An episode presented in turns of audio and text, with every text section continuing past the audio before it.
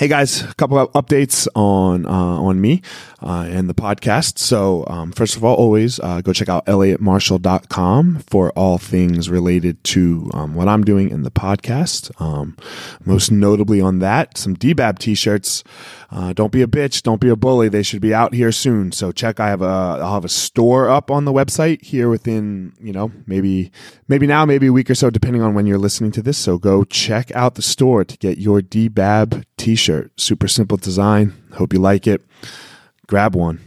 Secondly, I have created a Patreon page, and Patreon is a really great way to support the podcast if you like it. A lot of great producers, um, podcasters use it. Sam Harris, Dan Carlin. It's real simple, man. If you like it, then go go support. You know that's uh, uh it's, it's the most holistic way. You know, you like it, you you find this podcast helpful, show some love if you could, please. Um, I have some some levels. One dollar, um, one dollar donation per month, five dollar donation per month. That will come with some jujitsu video. So if you're into jujitsu, then um, there you go. Um, and then the ten dollar month come with some jujitsu video and um, a little uh, motivational stuff. So um, that would be great to check out that um, patreon.com backslash the gospel of fire. And lastly, I'll be competing again soon, um, December the 8th at the Anna Invitational. So all of that money will go towards uh, Justin Wren and his fight for the forgotten. Uh, so yeah, we're gonna everything everything we do is is uh, is gonna go towards that. I'm doing a seminar hopefully at the Anna Academy the day after on December the 9th in Austin, Texas. So um, that's what we've got coming up. Um, again, that all all that money will go towards Fight for the Forgotten and Justin Wren. Well, not him personally, but his Fight for the Forgotten. So uh, that's it, guys. I hope you enjoy the episode, and uh, we'll talk to you later.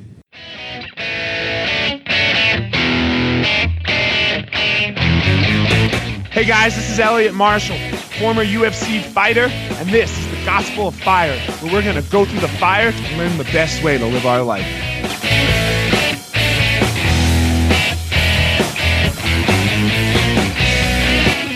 All right, guys, here we are. Man, my first, this is my first true, true fuck up, guys. My, on my, uh, as I posted on my social media, I, I uh, upgraded some things to, uh, to make a better quality show for everyone. And I didn't know how to use the fucking technology. So, um, my friend Paul Kindzia and I sat down for the first time, the first conversation we ever had, and it didn't record. On- Only I recorded. So, Paul, we're back, round two. We are back, but guess what we learned? It's just like jujitsu. Once in a while, guess what happens? You make a mistake, you tap out, you don't quit, you come back, you do it again. Nobody got killed. We're fall, better. You fall flat on your face and you get up and go again, right? That's right. That's what jujitsu is about. Just come back, go again, go again, go again. Don't get down, don't quit. That's right. You know, um, and my uh, my producer Doug, he he always wants to edit this kind of stuff out. Like when I. Uh, what what happened on one of my podcasts? I was like, I was getting into it, and I was like, I was really getting amped, and like, I, I don't know, I like to have my shirt off a lot, so I was like, Doug, hold on, I got to take my shirt off, but don't edit this shit out.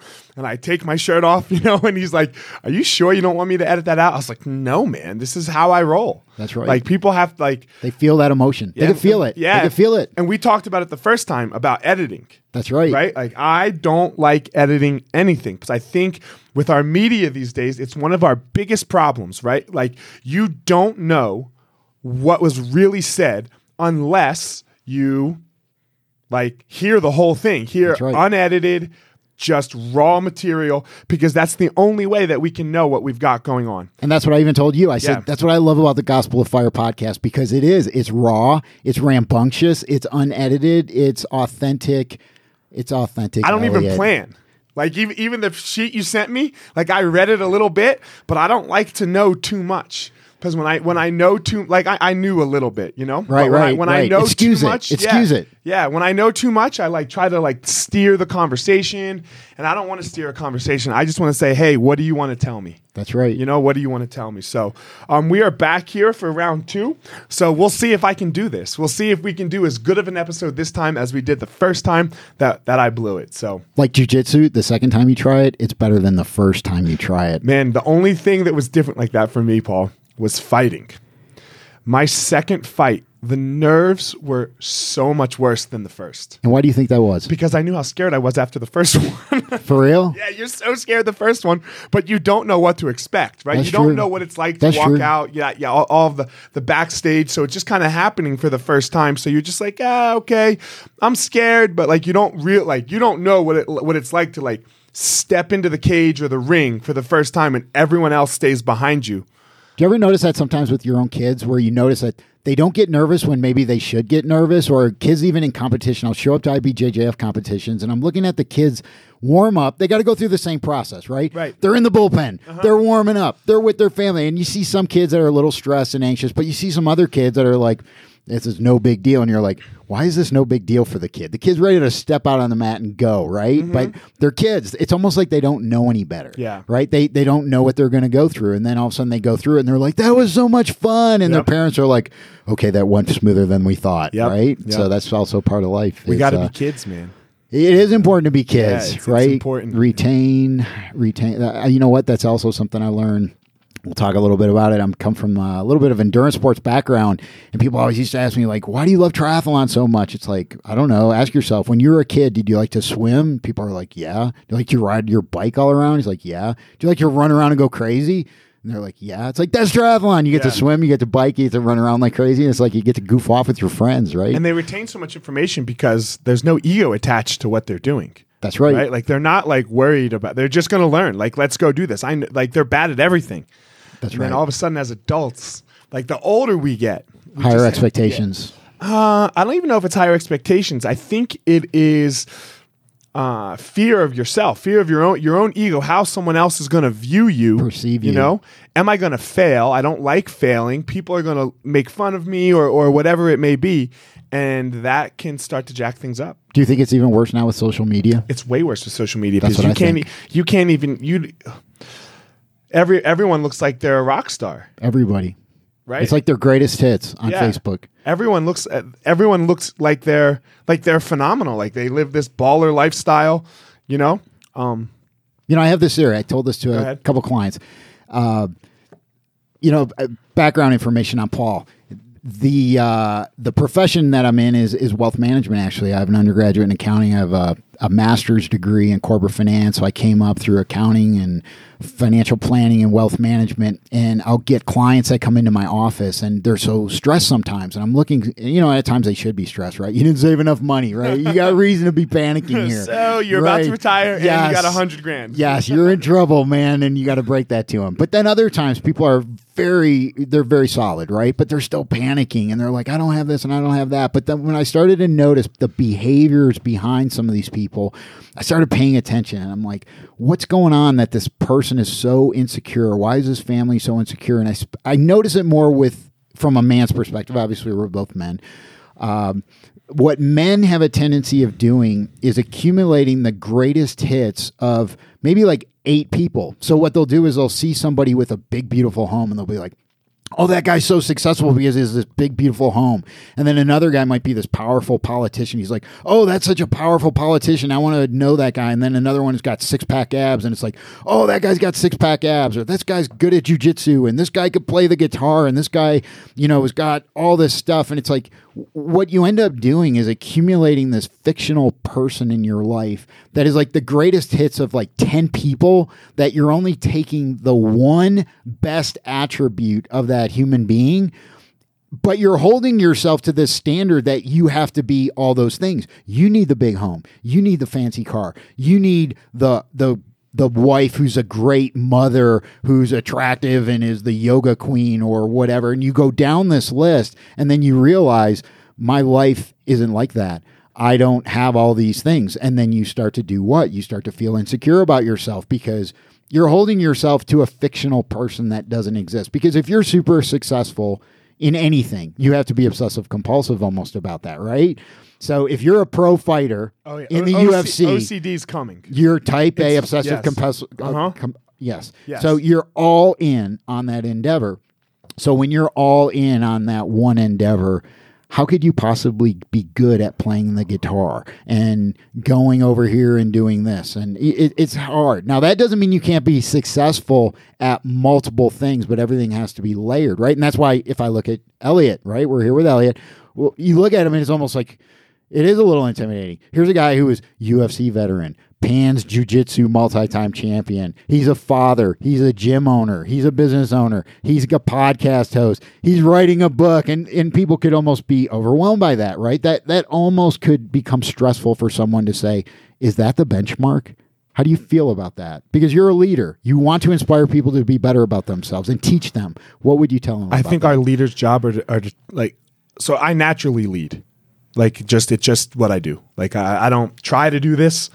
Um, I, I, I enjoy it, no doubt. Uh, um, but I, I, I'm not like okay, yeah, I'm gonna, I'm gonna, I'm gonna, I want this. I just find things that I really enjoy, and then I and I do them, and you jump in, and I jump in. So what I try to do with with people though is I try to, uh, I try to scream my weakness to the world, you know, because I, I, I need, we need to, we need to bring bring ourselves down a little bit. This is exactly what you just said. Everyone looks at, let's just take the hot wife. Everyone goes, oh, look how gorgeous that woman is. Right. You know, look how that guy, man, holy cow, that that dude, we, men do this a lot, right? Like you, because yes, testosterone. We, yes. we can't help this. This nope. is this is genetic. We human instinct. Human instinct. We're all here because testosterone. Half of it's testosterone. The other right. half is is estrogen. But you know, anyway. So and we go, oh man, that girl is just man. I wish I was married to that girl. You know, just just based on the way she looks. That's right. You know nothing about you know the person. Nothing about the person. Could be a horrible. She could be terrible.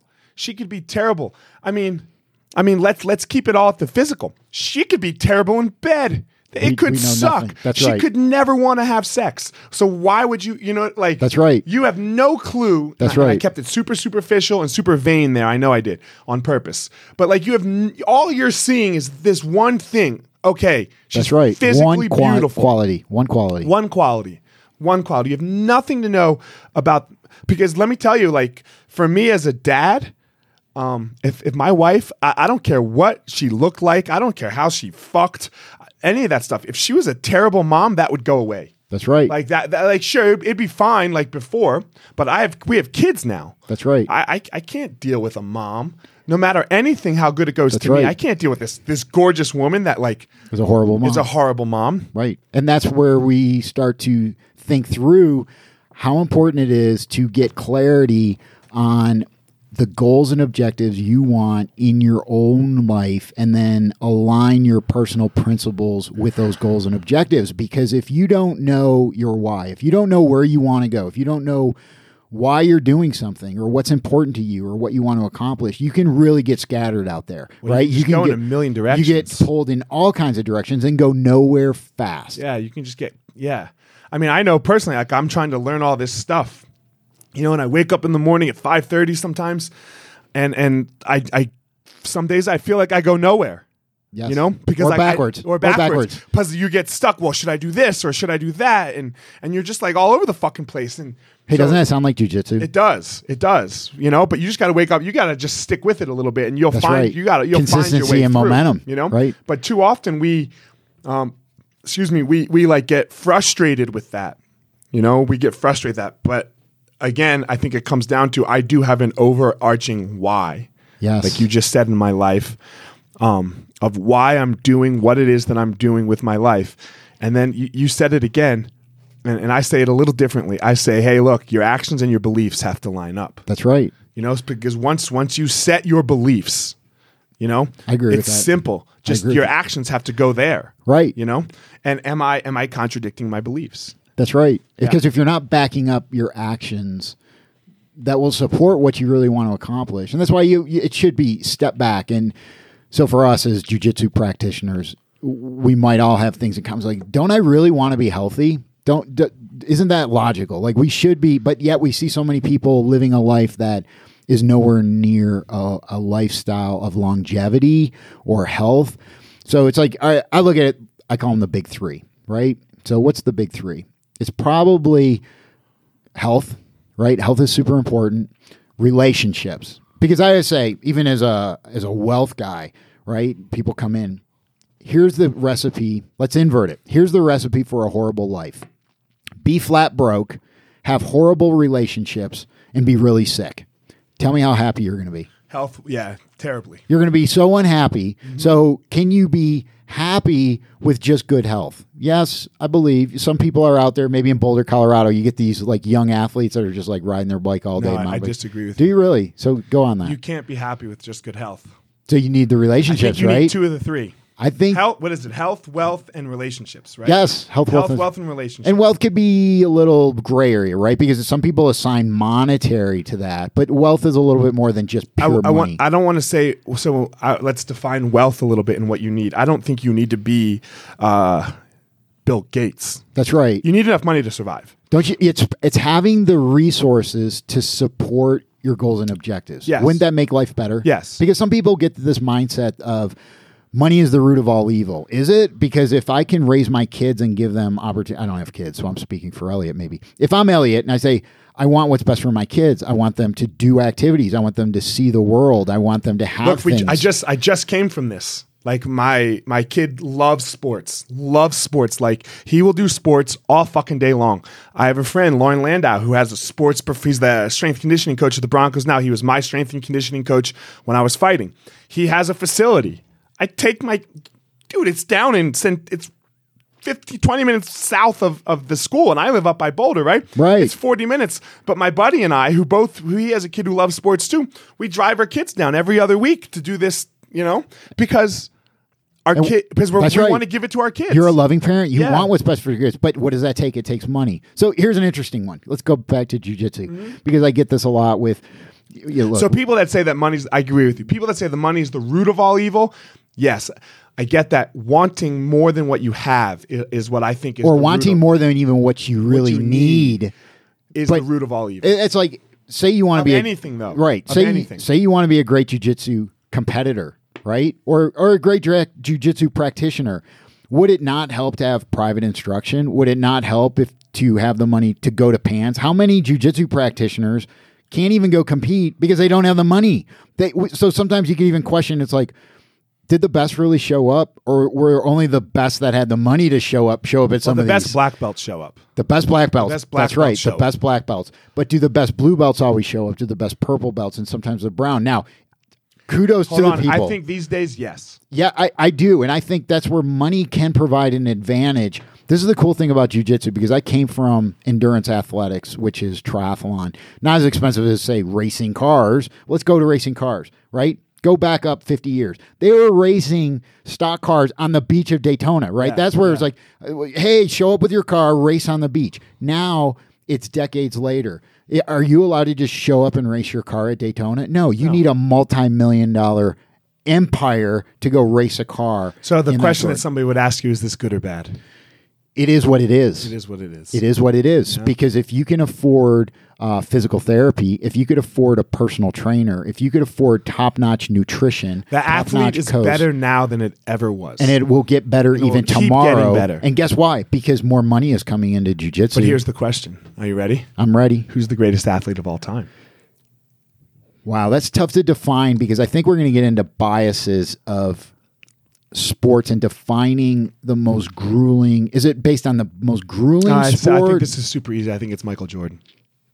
he was the greatest basketball player ever, the best athlete.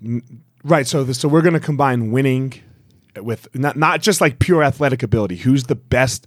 Once Michael Jordan won, he never lost again.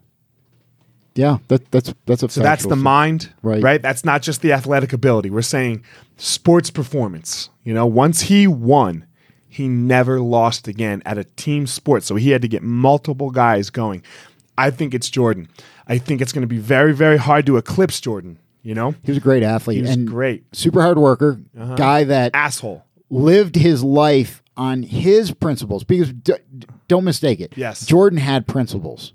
He had aligned his life with rules based on what he wanted as far as his goals and objectives. Now, they may not be what other people want. His relationships were Terrible. it was strained. They were right? terrible. They were- they hold on, strained. hold on. Don't Yeah, call him strange, bro. trying to be like- he was Tiger Woods before there Yes. was Tiger Woods. Come on, pace. man. Maybe he, he showed Tiger pace. Woods how to do it. That's right, and he did maybe sometimes because Yeah. you heard the stories of them showing Yeah, up at man. casinos together. So- right, but that that isn't that. So there's a story of what did what did Jordan want? He wanted to be the very greatest, and he made his life in such a way where he achi- he achieved his goals and objectives. What his kids think, what is you know That wasn't as we don't- important to him. We don't know. We don't even know what they think. That's right. Like we, you know, we don't know what they think, and um, I'm, I, I go back and forth with this guy. Um, I'm never quite sure, and let's get. We're going to get into you a little more after this. Um, Jordan Peterson, like I, I, I I am unsure of how to feel about him. I'm back and forth too because He I says you know, some they're like- great things, and then you're like, and then you're that's like, a little out there, what man." the fuck, man? Yeah, exactly. What the fuck? Um, but he does his book, the Twelve Rules of Life. Yes. My favorite rule is get your house in order before you criticize the world. That's right. So shut the fuck up. Yeah. is basically what he's, He's got some good stuff. He's He got really some good stuff, but some you know, really yeah other things that make if nothing else he makes you think he makes you think. he makes you think and, and and i think that in and of itself is so powerful because whether or not you agree with him or anybody that's not the purpose of your life to, to agree with someone else it's Right. to live your life based on your own goals and Right. objectives for sure. Um, all right, so let's get into Paul.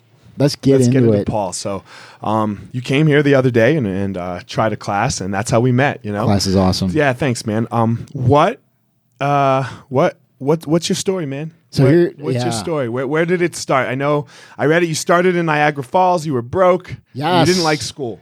That's that's a good summary, right? So you, I, I grew up in Niagara Falls, New York, right on the Canadian border, on the American side. Uh, really scrawny kid, 110 pounds, graduating from high school. Horrible student. All I loved to do was fish. I lived down the river.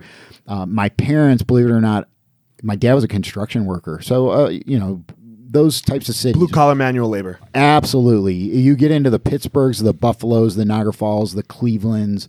Back then, it, it's Are all you blue consider collar. the Rust Belt or no? Not the Rust Belt. Yeah, pretty much because Buffalo's part of the Rust Belt. Yep, Yeah, they have yep, steel okay. mills and that sort Yep. of thing. So, uh, Dad was very encouraging. Like, hey, you got to get out. You got to get an education, and, and you don't want to be a tradesman. And you know, based on my grades in high school, I was like, I don't know what I'm going to do, right? Because I stink in school, but I, I, I just didn't have it figured out yet. So.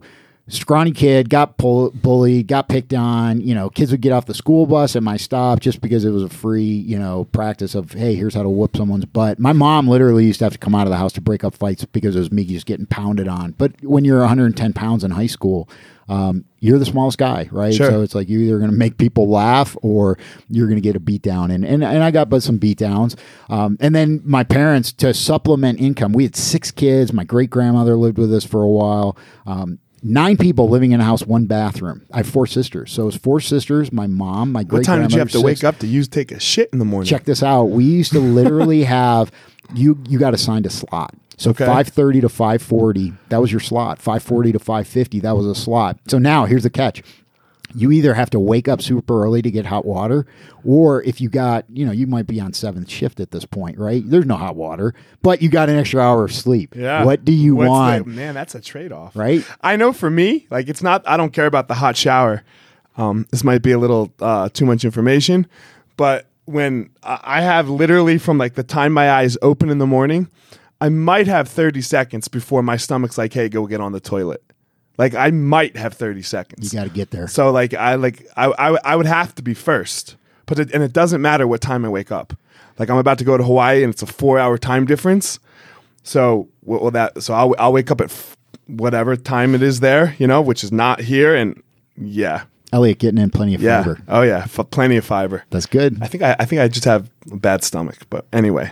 Um, so yeah, I, I would need first slot. Yeah, so so would you need would, first you would trade out. You're allowed to trade out, so you just trade right. out for your, for your slot. But that's how I grew up, right? So um, get into college. I didn't want to even go to college. My mom was adamant. She's like, "You're going to college." I'm like, "I, I can barely get through high school. How am I going to get through college?" Fuck, I had this. I just had this discussion too with some people, like, um, because you're poor, Yeah, right? And for poor people, education's the way out. It is the way out. And for privileged people, their kids can like venture a little more sometimes. That's right. You know? They give them slack. They almost Yeah. want them. Hey, why don't you go find yourself in Europe for a But year? not, not even that sometimes. Like, if my kid said, Hey, dad, I want to try this venture, I'm going to go give it a try. I'd be like, "Fuck yeah, man, go get it." Go get it. And then if he, if he did it and fell flat on his face, I would be there to help him Yes. to pick them up a little bit. but right. that's because of privilege. That's right. Where like if you have no money and there's ten kids living in ten people living in your house and, and one bathroom, your parents you, your parents can't Yeah. pick you up. No. So that you have to go get an education because it's like a guarantee. And and based so take it one step further.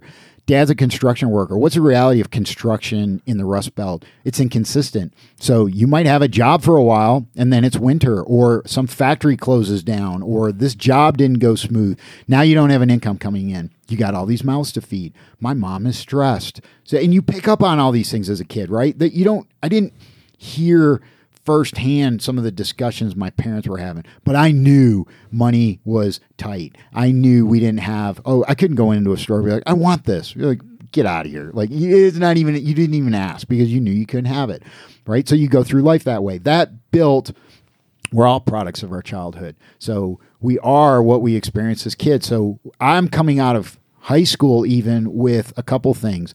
I really crave financial security. I really did because I didn't want to go the whole rest of my life wondering if I was going to have enough money to feed. This is so interesting how people go this way because you go I think you go one of two ways. you do. Right? You go, "Oh, look, I I've made it my whole life with no money." So you you keep going that route. That's right. Because you know you can make it. You know you can make it. Or you go, "I never want to fucking be like that again." That's right. It's like alcoholism, right? You have two kids, That's right. two two two boys, you know? That's right. alcoholic dad. One boy alcoholic, the other boy doesn't touch a fucking drop. check this out. I think I hybrided them. Uh, How did I do that? So fast forward, go to college, actually figure out how to excel in academics. Uh-huh. I was shocked. I go from being a horrible student to a top student. I end up being the president of the honors accounting fraternity. I passed the CPA exam in college. This is very tough to do. Like Right, the, the right. pass rate for your first time taking the exam is like 10%. Oh, I shit. passed the CPA exam. I'm coming out of graduate school with I was on full scholarship. I was a graduate teaching assistant. I get a job offer to go down to Atlanta to get out of Western New York. I jump on that. Where I was go down- college, by the way? College was State University in New York Okay. at Buffalo. Oh, isn't that where Jon Jones went? Jon Jones was down the road. No, he went to was- Ithaca. yeah, he, He was down, and he grew up in Rochester, which is right down the street. I have his sister that lives in Rochester, so he was Rocha Cha, and uh, I was closer to Buffalo, Niagara it, Falls.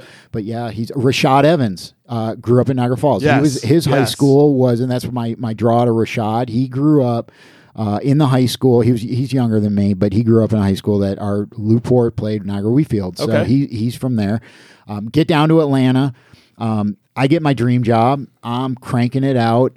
I am at Ernst Young, one of the largest professional services firms in the world. I'm doing my thing. I'm working in a cube. We'll take a little plot twist here, something that you're familiar with for the for the listeners. But um, Ernst Young had one monster client. That wasn't my client that I was working on. It was Coca Cola. So th- this is back in the days before we knew how bad sugar was for you and caffeine and all this. So on every single floor, Do you not drink caffeine either? I do, Okay. but I, I limit it because it does impact me. But uh, the sugar, I learned the hard way how devastating it is. So I'm at Ernst and Young. I'm in my early 20s. We have all you could drink soda dispensers on every floor in two locations. You're encouraged to bring in your own giant mug, right? Like like these whoppers, right? And you just keep it on your desk. You come into work early, you go to the soda station, you just load up, you drink soda all day, every day. I can't. So yeah, I, I would not be able to do it. It was it was it was the greatest thing ever, Yeah. right? Because as a kid, you kind of grew up with soda, right? And uh, we used to call it pop up in New, up in New York. Oh, yeah, I'll have a pop uh, down there at soda. So it's all the Coca Cola. You you want the orange, the root beer, the Coke. You don't even have to just drink Coke. You can drink whatever the fuck you, You could drink whatever you want all day, every day. Now check this out. Like I can go to the grocery store and not buy it, I don't. Yeah, I, but I- once it's in my house, it's going to get consumed. that's right. For me, And and it was right there. yeah, it's was going right to get there. consumed. So I go from 110 pounds coming out of high school. Fast forward a couple of years, two years into my professional career working in a corporate environment, wearing a suit every day, drinking all this soda. I am 220 pounds. I have high blood pressure, cholesterol, um, probably pre-diabetic. We can't contribute all of that weight to the soda because you are I was eating fast food like crazy and Right. sitting, so no activity. Let's- I'm not exercising. maybe 70, 60 pounds of it to the soda. And, and I would say shitty- nutrition. right? Nutrition. So Yeah, because nutrition. I'm eating Poor fast nutrition. food, pa- poor nutrition. But no, no adult male should be 110 pounds. No. At some point, you're going to hopefully you're gonna yeah, Yeah, I hit a little growth and yeah, I grew. So you I grew. went from like five six to five ten. So you were just a little late bloomer. a little late bit. bloomer, but went from really scrawny to to actually you know filling out. Yeah, but you shouldn't be fat. You should you shouldn't go from 110 to 220. That's right. That's yeah. In That's that craziness. quickly. Yeah, that's crazy. So, and that's fast food. Um, and, and that's you know all that. So I I now have an ulcer. I have high blood pressure. And now I have just some decisions to make. I hate this job. This was my dream job, you know, in graduate school. Hate the job. I'm in horrible health. I have no friends. I'm just miserable, right? My whole life is falling apart. I'm not even 25 years old and I'm already like, my goose is cooked. But I think this happens to people, man. it does. I think it happens to people, especially people that have like success early like that.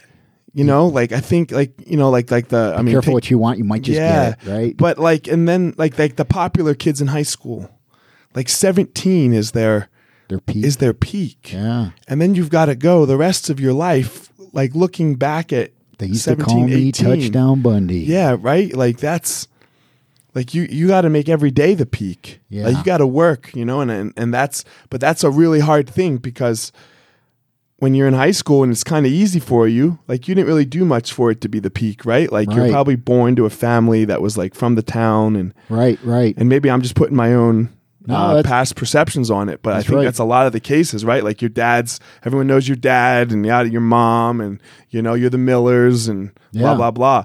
So You have an identity. yeah, you have an identity. You didn't even form it; somebody formed it kind of for you, That's right. and then holy fuck, Yeah, you're kind of just sitting there questioning the meaning of your life. It's Yeah. like, how did I get here? I this get is here? not how this was not how it was supposed to go. I was supposed to have this escape and go live this nice, comfortable white collar life. And it didn't happen, right? Like my whole life was falling apart. I did not like my job. I Were you married? I, uh, I was. Okay. I was married at the time. I, I it ended in divorce. Right. Uh, no surprise, right? When you can't be happy and No, yeah, no, you can't be and- unhappy and No, and yeah. and you know, I look back and and you say, you, you know, I say, oh, it was the other person. No, it was it was, it was me. Like I was I was such a wreck. well, it's right? always you. yeah. It's That's how I see it. Integrity, It's always you. So I was a mess, and I had to work my way out of that. So I had some t- tough decisions to make. Like I needed to change everything, right? And that's tough to do when you don't have mentors and you don't have guidance and you don't even know what the heck is going on. So I had to turn my health around. I had to turn relationships around. I and I needed I needed more money, right? Because I was being, I was worked in a corporate environment, so you have limited income, right? You're just a staffer, right? You're you're just there to do what you're told, to collect your paycheck, and work unbelievable long hours. So that's where I say go back to that concept where you said, hey, you can go two ways with money. You could say, hey, I've always lived with no money, I'll go that route, or I live with no money, I never want that to happen again. Right, right. So I went and and I reverted. I said, I know I want more money. I know I knew that. I needed financial security. I craved it too much. So I needed more money. But I was going to quit my job and I was actually going to go start my own firm, which was crazy because I knew nobody really, right? I I, I knew no one in Atlanta. I Yeah, was but from Niagara bit, that's, Falls. that's some freedom. that is freedom. And right? what it's did not, I say? It's not necessarily just money; it's freedom. It's freedom. And what did I say? I I was okay living on uh, Campbell's soup, mac and cheese, pasta, Taco Bell, whatever. Why? Because that's how I grew up. I Right. grew up on Kraft mac and cheese and Campbell's soup. So for me to go back there, I knew that was okay because I knew I could live. All I needed to do was feed myself, right? At that point, what's the downside right so i did i made the jump i, I went off and i started my career in uh, tax and accounting and wealth management for, for my own firm which is kind of ironic I, I had pretty good tax skills but as far as like wealth management it's like what business did I have giving people monetary advice when I didn't have any money? You got nothing, right? And you had to like figure that out, and and it was brutal. It was such a brutal, ex- humbling experience for years, but I persevered through it. Um, and then, more importantly, I learned principles of health, and and I started to get healthy, and that was my venture into endurance sports. Um, started running, started doing a couple races. I did the Peachtree Road Race, which is a 10K in Atlanta, Georgia, like 60,000 people. It's a really big deal in Atlanta, Georgia. And um, made my way, worked my way up to marathoning. And by then, I really started gaining some momentum and consistent. And I was losing weight and I was making friends, and friends were also healthy and they're running, and you're going out and doing these races. And then I actually got introduced to triathlon. And at the time, I didn't know how to swim, right? Like, I kind of knew how to swim. Like, to me, swimming was, I, I knew how to not drown. You could get in the pool and play. That's right. I knew how Yeah, to do cannonballs and swim Right, back right, to the right. And ladder. then you get to- yeah, yeah, yeah. You know, so I knew how to, like, I, I knew how to not drown. I could Dude, I can remember the first time I learned how to swim. Holy fuck, like a lap of the pool. And you're like, yes, you're you're so trouble. And check this out. So I actually took private swim lessons from a woman in a neighborhood after school program. It was all children and me, and all the moms were there. you're an adult. and I'm an adult. I was the only adult in this swim class, but I needed to learn. So to you're learn either how a swim. creeper or learning how to Exactly. swim. You're, you're it was one, of, awkward. one of the two. And I was just like, this is so embarrassing. but I wanted to learn how to swim. And Yeah? this woman was a triathlete. And, and I met her through triathlon. And she's like, I will teach you how to swim. But, But you're coming with the four year you're, olds. you're coming to my pool because I have a life and I'm busy. Right, and, right. And I'll teach you how to swim and I'm going to charge you for it. But I will teach you how to swim. So I actually took her up on it. And uh, I learned how to swim in that stinking after school in front of all the moms when you, literally I'd swim a lap, like one lap, not there and back, like there, and then stop at the wall, huff and puff, and then push off and try to glide as much as possible. And that's how I started. And I did. Nice. I learned. I learned how to swim. It's my rule number two for my kids, It right? You have to know how Yeah. to swim. You have to learn It's how a to life skill, right? It is a life It's a life skill, especially my dad's black, you know? Yes. So, so many African American males, children, drown, you know, because they don't know how to swim. And I later learned even I, I like to swim. Yeah. It- because once you learn how to do it, you can relax Uh-huh. it's, it's comfortable and it's it's you just kind of stare at the black line in the bottom of the pool and, and daydream. And then the ocean too, right? Like, Yeah, it's man, my my my kid and I, he, you know, my oldest son, um, I don't know, like two years ago, maybe a year ago when we were in Hawaii, we we we like to swim out to the buoy, which is really far. You're not allowed to go any farther without a craft of some sort, you know. And we swim out there, and then we went to we turned around to swim back, and we just got stuck. Like there was like some, you know, the current, The current rip- like we, current we swim for like two minutes. I turn around, and and we didn't go anywhere. Like the buoy's like Right there. five feet away still. And like I started panicking for him. Like I knew I'd be okay, but he just chilled, man. He just like floated when he had to float, you know, doggy paddled when he doggy paddled, and like he handled it like a boss. Yeah. So like that was uh like because you and somebody else stuck in the ocean can be very difficult, right? Yes. Because if they're freaking out and can't You're- handle themselves, they'll start latching to they're you. pulling, they're latching to you, pulling you, You under. down. And now this is where it can go real bad. But That's you know, right. like rule number two came in real fucking handy that day because I didn't. All I had to worry to see was like look at him, he, and he was totally fine. Rip current lesson. If Yeah. you're ever in a rip current, swim parallel to shore until you're out of the rip current. Then you can swim to shore. Yeah. There's your tip of the day. All right, So uh, end up getting in triathlon. yeah. Yes. Uh, work my way up to full distance Ironman. That's the 140.6. So 2.4 mile swim, 112 mile bike, a full 26.2 marathon at the end. Get into get into this, and, and I'm all in. know one of my biggest pet peeves is? Cyclists on the road. No, What? I hate when people say they do Ironmans and they do triathlons. Yes, I could see that. I hate that. You like just be happy with doing a triathlon. That's hard enough, Yes, yes. right? That that's hard enough. Like, don't say you did an Ironman. Yeah, Ironman is the real deal. So there in in running, there's a 5K, there's a 10K, there's a half marathon, and there's a full marathon. Those are the four distances. But right? nobody says that. Nobody says I ran a marathon Without running a 10K. marathon. That's right. Right? But They ran a so 10K. many people say I do Ironman, and I'm like, oh yeah, which one have you done? I'm like, oh well, you know, I did the half mile run one. No, no, no, no, no, no. No, that's not an a- Ironman, homie. right. So in triathlon, you have a sprint distance, you have an Olympic distance, which is actually the distance they do in the Olympics. Right. You have a half Ironman, and then you have full Full Ironman. Ironman. So I worked up to uh, full Ironman, did 13 sanctioned events, uh, working my way up, became so passionate about it, started getting very good at it, dedicated my life to where I wanted to qualify for Ironman World Championships, which is in Kona, Hawaii, the second Saturday after the full moon in Hawaii at Kona. and that whole thing. So, so I get, you got to be like top 2% in all Okay. of Ironman. And I work my way up to like, I'm single digits. So I'm closing in. You're like eight or nine. Seven. Yeah, yeah. Like I'm seven, eight, nine percent, and really closing in, and then all of a sudden, uh, bad stuff started to happen. I start going backwards in my training, and I'm noticing I'm I'm I'm not making gains. Like you, you're so used to making gains, making gains, getting faster, getting better uh, on all the disciplines, swim, bike, and running. I start going backwards on all of them, and I'm like, you know what? We're beating the crap out of ourselves. At that point, you're pushing it to the human maximum. And Did you I'm- think overtraining at first? I did. I thought I was overtrained, so I said, "I'm overtrained. I'm smoked. You you back off and you give your some body some rest." So I back off. I take some time off from heavy duty training and just let my body recover. I come back. Guess what? I'm even worse. So now I thought, well, maybe I'm detrained, right? Because you can detrain really quick. so now you train more. so now you train more, and guess what happened? Worse. Is worse. Now I'm in full panic mode. This continues. My health continues. Are you remarried? Are you married to Angela at the time? No, but Okay. uh, getting closer because Angela and I did meet. My wife is a two-time Ironman, and we Okay. did meet because of an Ironman connection.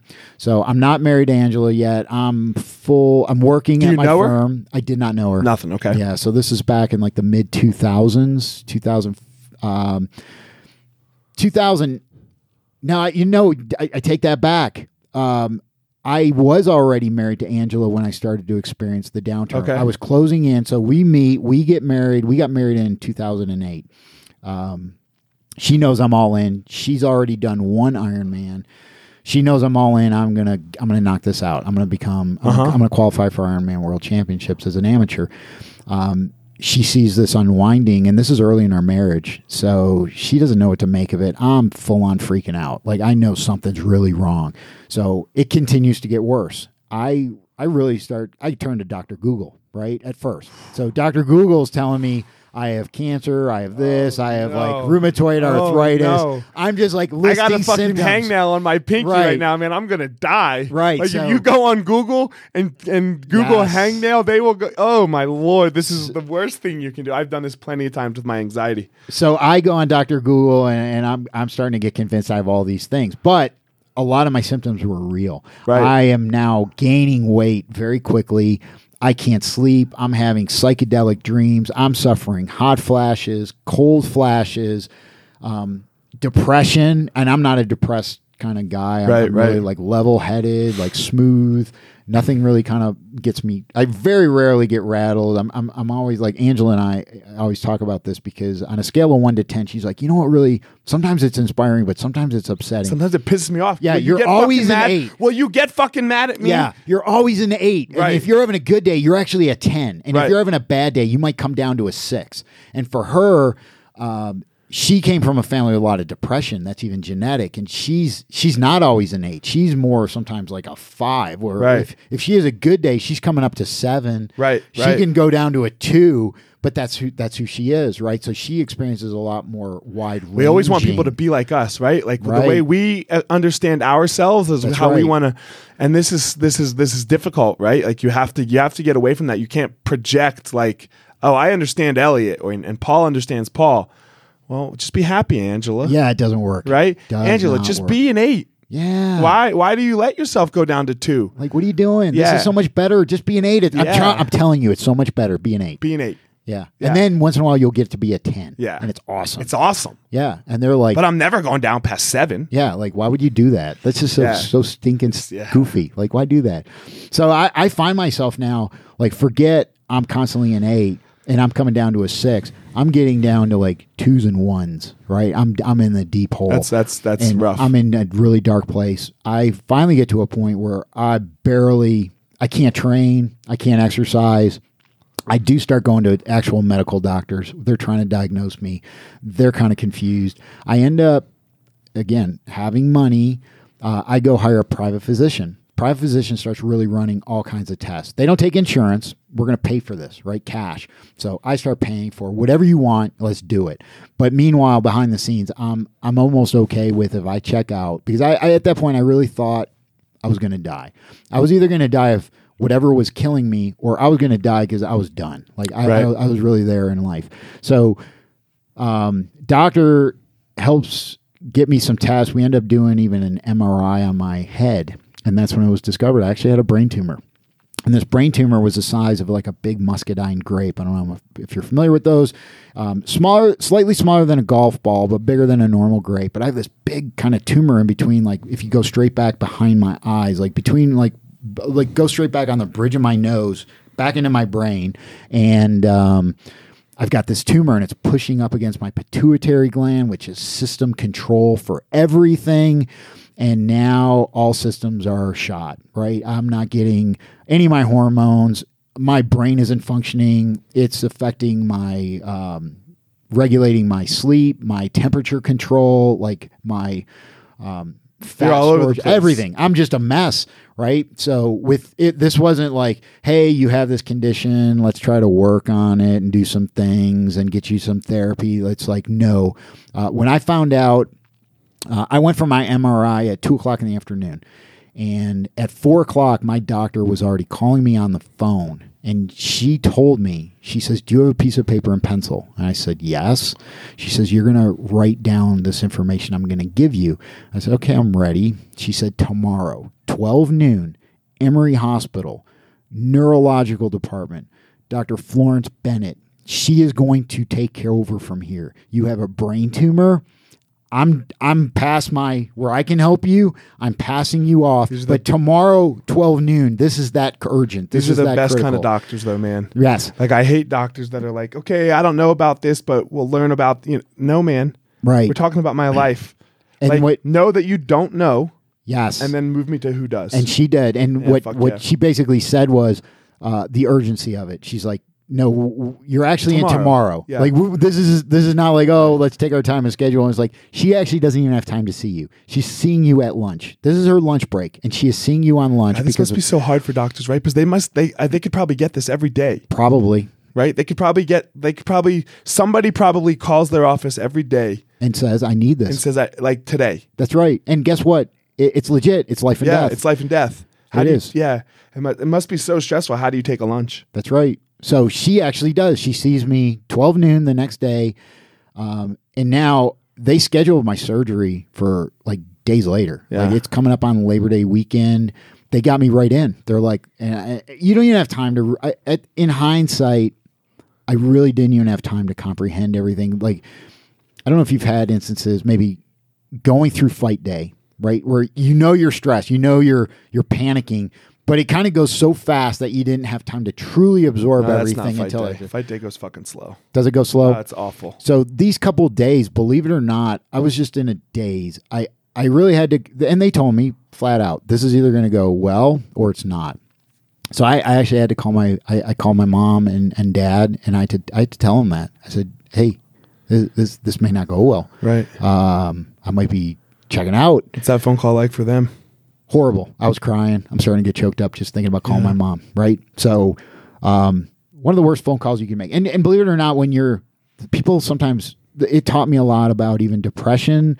Um, because I, I actually got depressed for a, for a stretch, and it's like, you know, some people choose to to end it. Right? People really do get so depressed that they want to end it. Well, nobody nobody thinks there's a better way. No one's like, oh, you know what? I could get better. I'm going to kill myself. Right. There's not a better. That's why. The- right? Yeah. This no one's like, oh, you know what? I could be here for my kid, and I choose not to be. There, I it will be better for my kid Kids, if I'm if not I'm not here.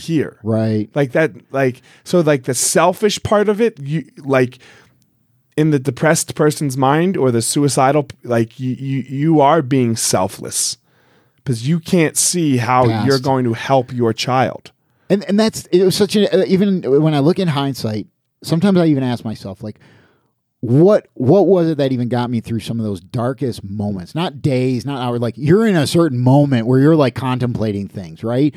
Was it because I was married to Angela? And it was like, no, I think An- we have life insurance. We got money, the house, right, whatever. right, like she's right. gonna she'd probably be fine without me, right? She can now not be with this unhealthy, spazzed out guy who's fallen apart, right? She can actually go start over again with some bucks in the bank, right? So that that's fine. That didn't keep me on planet Earth. Uh, was it my dogs? Like, oh, my dogs need no. That didn't keep me. You know what? Right? It was actually like thinking of my mom. Like, who would call my mom to tell her this news that her son ended it? Right? Like, who's going to make that phone call? And, and I put myself in my mom's shoes. Do as a mother, do you want to get that phone call?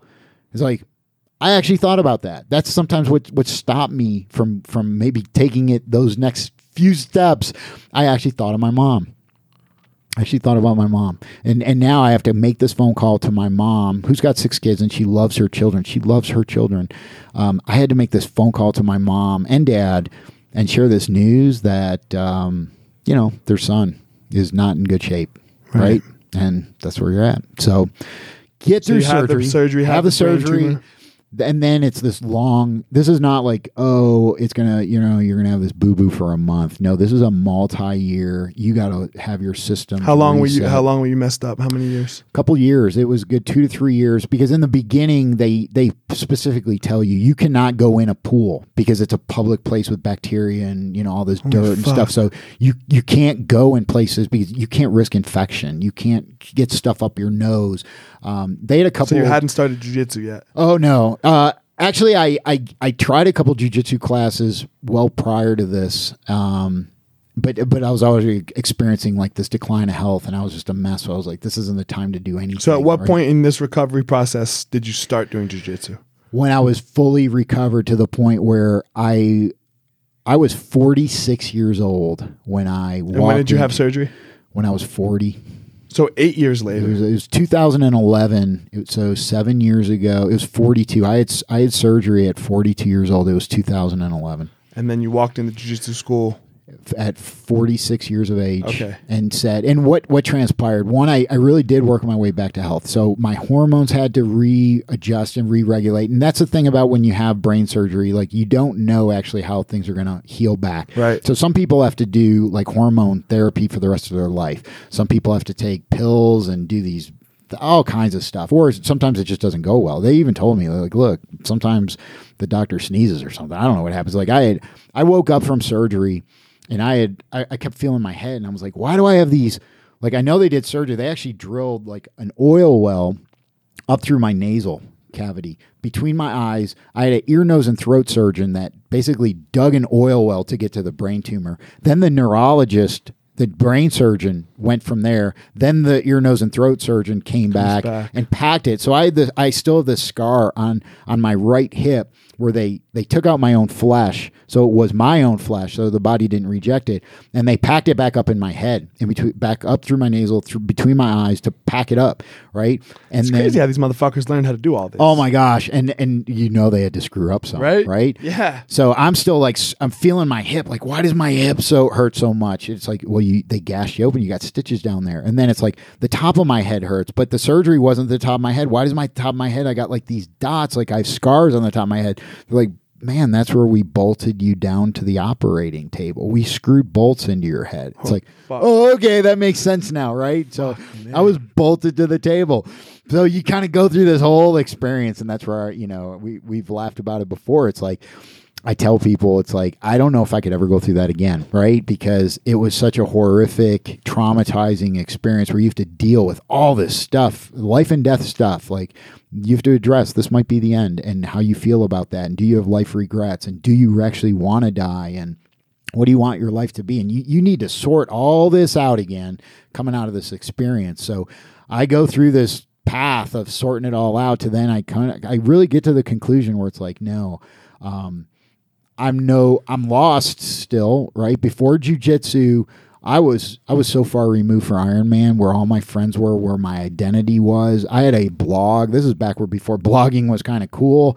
I had a blog documenting my I was out there telling people, look, I'm just this kid who's non-athletic that is going to figure out how to go qualify for Ironman World Championships. Honest to God, like I kept this blog every single day. I did a blog post. I would update my training. I talk about where I'm racing and what I'm learning and sharing all this stuff with mm-hmm, people. Mm-hmm. So this is back in the mid 2000s.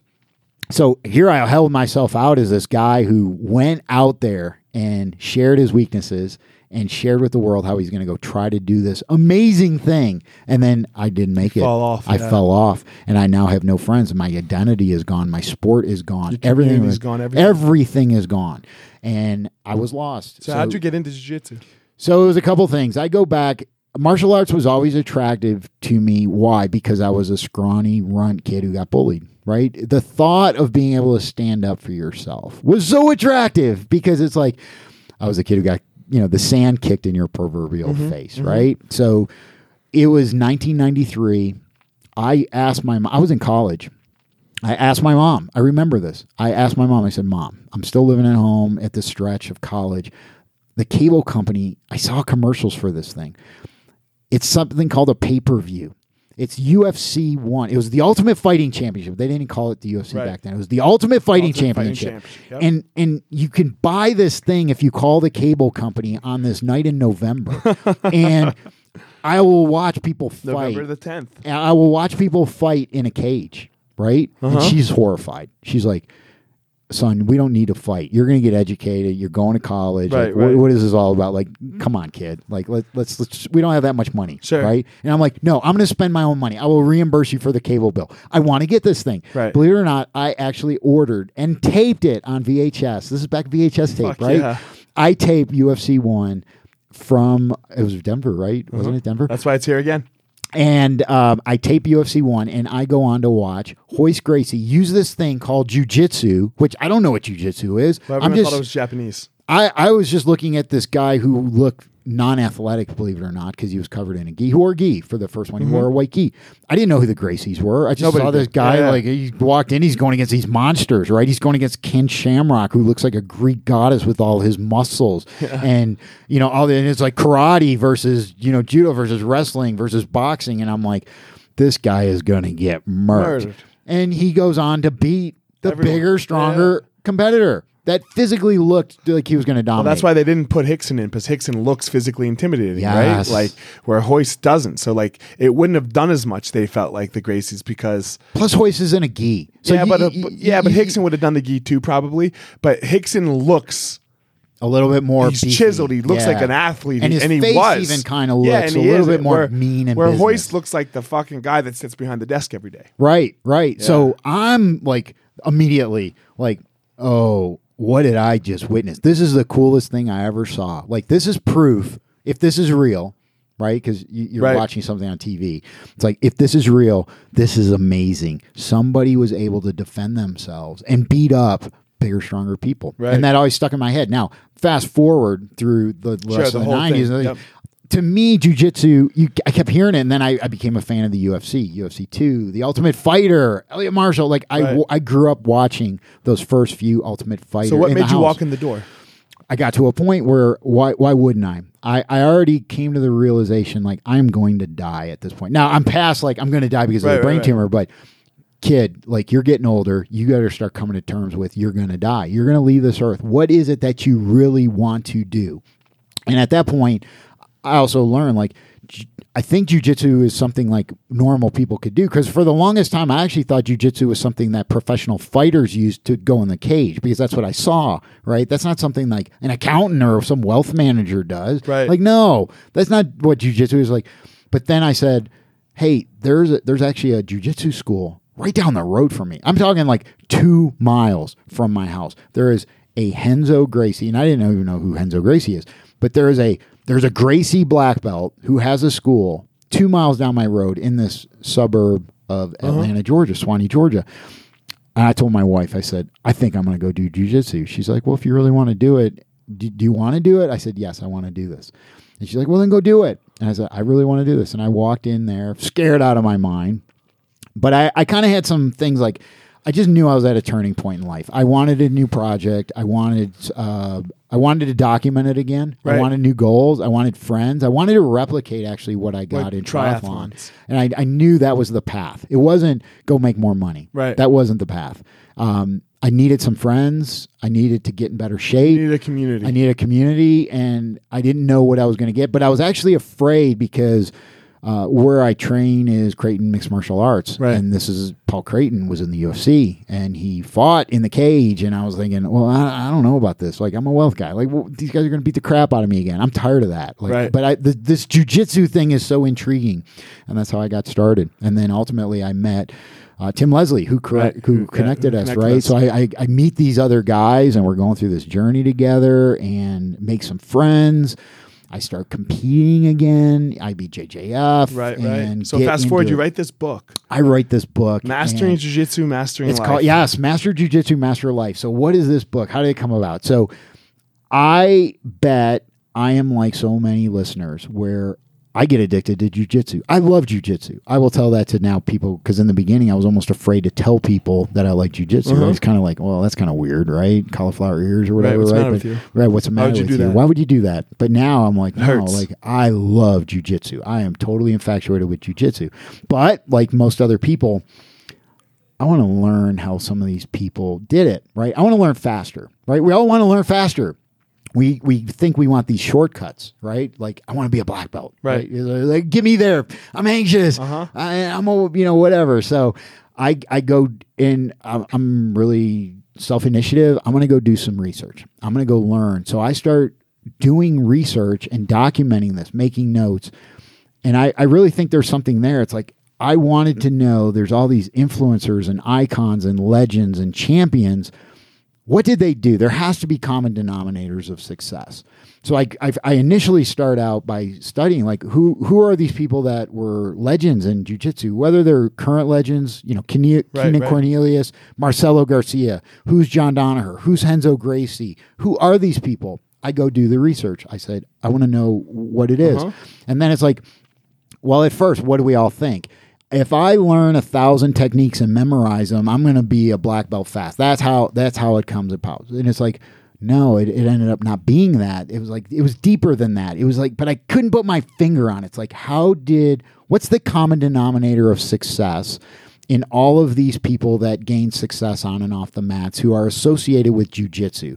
That's where I started becoming really intrigued, and that's where my research went. So now I go about this process of going down those rabbit holes and putting together this book, Master Jiu Jitsu, Master Life, which is compelling and captivating stories of these icons and legends and champions in Jiu Jitsu and associated with Jiu Jitsu, and come up with 22 scientifically proven principles for success that shocked me that they apply to jujitsu and in life. So I wanted principles that would make me better in jujitsu. And then I learned these principles of jujitsu were going to make me better in life. And I said, okay, there it is. That's the that's the real goal. That's the real goal. So meanwhile, That's the real goal of the martial artist, right? Like That is. to have is to is to have a good life. That's right. It's not it's not to beat people up, you know, like the, that that part of it is the secondary part. But these things that we're learning, that the, you know, I, I like to say the mat never lies. It does not. You know, it never lies. it's the truth, It's Matt. always it's always the truth. You know, and it tells you what the truth is. You can or you can't pass this person's guard. I can pass Dave's, I can't pass Paul's. That's right. Right? And and we need a little more of this. We need a little more truth, like just just hard truth. That's right. Because when it when you look at the hard truth, you can then fix whatever problems you might have. Yes, and guess what? That's that's actually one of the stories in the book of um, Rener Gracie. I've got a wonderful story on Rener Gracie, which I, I didn't know that much about, but there's people that are out there, and, and how he took that and said, "There's already people out there with solutions. You just need to go out there and find the solutions to your problems." So, what I did is I took all these compelling and captivating stories on these 22 scientifically proven principles for success, and I put this to, this book together. And it's a this book, Master Jiu-Jitsu, Master Life, is a book. If you love jujitsu, if you love jujitsu like me, you're to love this book. And it's a book if you want to learn more um, on creating lasting and breakthrough success on and off this mats, uh, on and off the mats. This book is for you. So it's a few dozen short stories that are very fun to read. They're very fun to read. I love these stories. Uh, I love going down the rabbit hole and doing the research. But more importantly than the stories, it's like okay, those are entertaining stories. That's that's what makes a good book. And this is my third book, and I know storytelling and how important that is. But it's deeper than that. the The critical component of this book is it's not just the stories that are entertaining. It's important to know how you pull out and apply these principles of success to your own life. So now I could say, Elliot, read a chapter of this book every day to your boys and then talk about it. your boys will go crazy over it, right? You're gonna be like, right. "Oh, this is like talking points of Sure. proven principles of success." So let's let's share a couple of them. So one of them, I'll give you two examples. Um, Kit Dale. Kit Dale, I started hearing about him. You know, he's out on social media. He he's outspoken and he's got his courses. And I said, "Wow, Kit Dale, what do I keep hearing? He is a he earned his black belt in four years." And it's like, okay, hold on a second. What's this all about? This guy lives in Australia. He earns his black belt. Is this even true? And then it's like, okay, it was a little over four years. He did really earn his black belt. And it's like, well, was it a fake black belt? Did he did he get it from some guy out of a vending machine? It's like, well, Kit Dale actually started competing at a very high level against the very best guys in the world and actually started winning matches. So this was not a fake black belt. He actually bucked up and started competing and doing well against the highest level of competition. So I sat there and said, wait a minute. I want to know how he did this. How did he do this? So then I can say, how do I apply some of these principles to my life? I go start doing all kinds of research on Kit Dale. He ends up reading a bunch of books. One of the books that he read was called The Talent Code. It's written by Daniel Coyle. This book came out years ago. Years ago. Yep. But the book, The Talent Code, is this book on neuroscience, which was also intriguing to me because of my brain thing. Um, and this book taught the importance of myelin and how deep learning is done and how it's not about memorization. It's totally not about memorization. And that's where I, I then started reinforcing it's like jujitsu is not memorizing a thousand techniques. It is about deep learning. And Kit Dale himself is very adamant about this of how you learn on a deeper level. This came out of the talent code. Now here's the thing. Did Kit Dale invent these scientific scientific neuro research? No. What this book did, it was a New York Times bestseller. This book is being used by institutions, business, other sports, the arts, math, sciences. What Kit Dale basically did is he took this information and he cross pollinized it into jujitsu His thing. and his In thing. his thing. And in his case, that he was able to apply these principles to his life because he loved jujitsu. That's what became intriguing to me. He wanted to apply this to jujitsu. I love jujitsu. I wanted that success on and off the mats. So that's the story of how it came and and it was a very compelling story to me of like this is not frou frou woo woo uh, no this is scientifically proven research on how human deep learning works and how one guy in a very short amount of time used this to his advantage Right, right. and now is spreading the word another great story Kit Dale's pretty well known. Are you familiar with Espen Mathiesen? No. So Espen Mathiesen, this is another fabulous story. Espen Mathiesen is let's go back early in Espen Mathiesen when he first started jiu-jitsu. Espen Mathiesen is 14 years old. He lives in a small coastal village in Norway.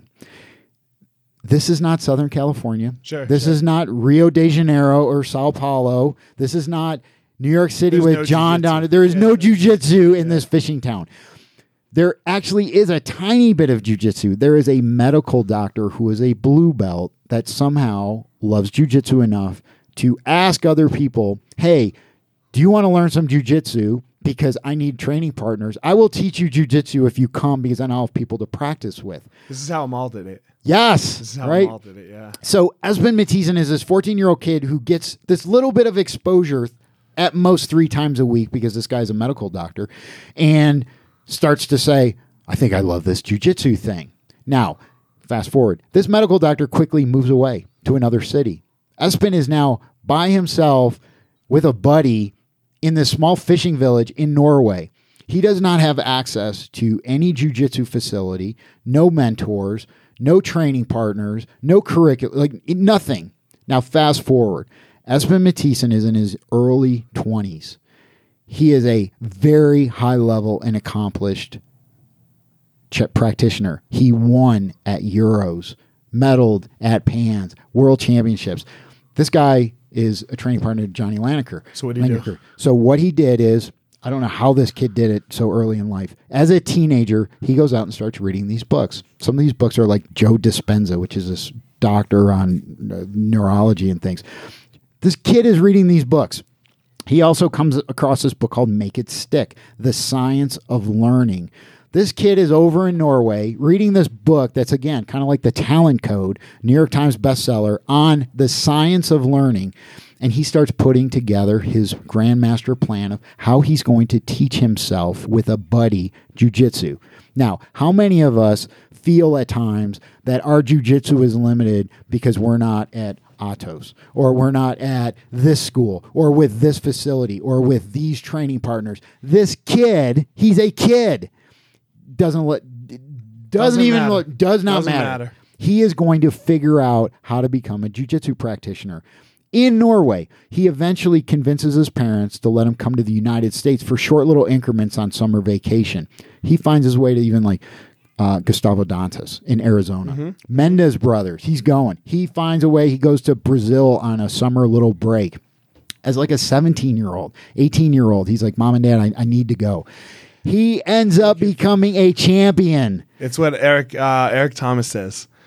When you want to succeed as bad as you want to breathe, then you're going to be successful. and this kid wanted to breathe. Yeah, man. Because this story is so awesome and so inspiring. Because what it also real reveals is the truth about us. Right. Because we all come up with these reasons, these excuses Why we can't. of why we can't, and yet this kid says. Well, maybe you can't, but I can. can. Because guess what? This kid's at world championships. This kid is beating people that are unbelievable names in I can. jujitsu. This kid has Yeah, he game. said I can. He says he is so. I. This book is those types of stories. So it's not again the woo woo. These are the stories of real life legends, influencers, icons. It is not about memorizing techniques. This book will move the needle.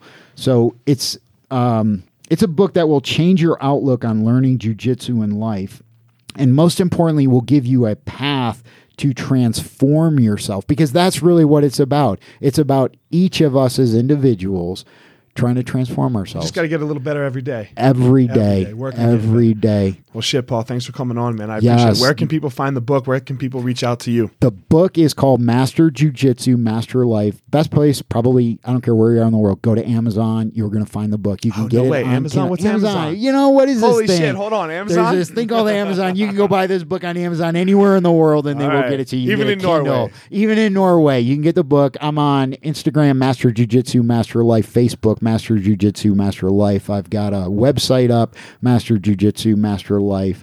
Um, you can download a free chapter. The free chapter is on discipline, and uh, that chapter is Jean Jacques Machado, Dean Lister, Jocko Willink. All You're going to learn all kinds of stuff. It's Hell yeah, awesome. man. Get the book. Get some. All right, guys. Thanks for listening. This was Paul. Uh, Kindzia, Matt, Paul Kindzia, yes. Master Jiu Jitsu, Master Life. Uh, make sure you uh, go to my website, elliottmarshall.com, sign up, and um, uh, I will be sending out some blurbs about the podcast and, and where you can get uh, get the book. So um, thanks for listening. Elliot and, uh, Marshall, so much. Thank you. Thank you. Thank Thanks, you. Paul. I appreciate it, man. Great. All right, guys. Take care. Thanks. All right, guys, thanks for listening to this episode of The Gospel of Fire. Check me out on my website, elliottmarshall.com, where you can stay up to date on everything that is Gospel of Fire, Elliot Marshall related, get DBAB t shirts and whatnot. Also, my Patreon page, if you're liking the podcast and would like to support it, patreon.com backslash The Gospel of Fire. I'd much appreciate it. And my social media, as always, at Fire Marshall 205 on Instagram and Twitter. Elliot Marshall on Facebook and Elliot Fire Marshall for a Facebook fan page. Uh, I appreciate everything. And uh, remember, guys, the impediment of action advances action. but stands in the way becomes the way. Let's do hard shit.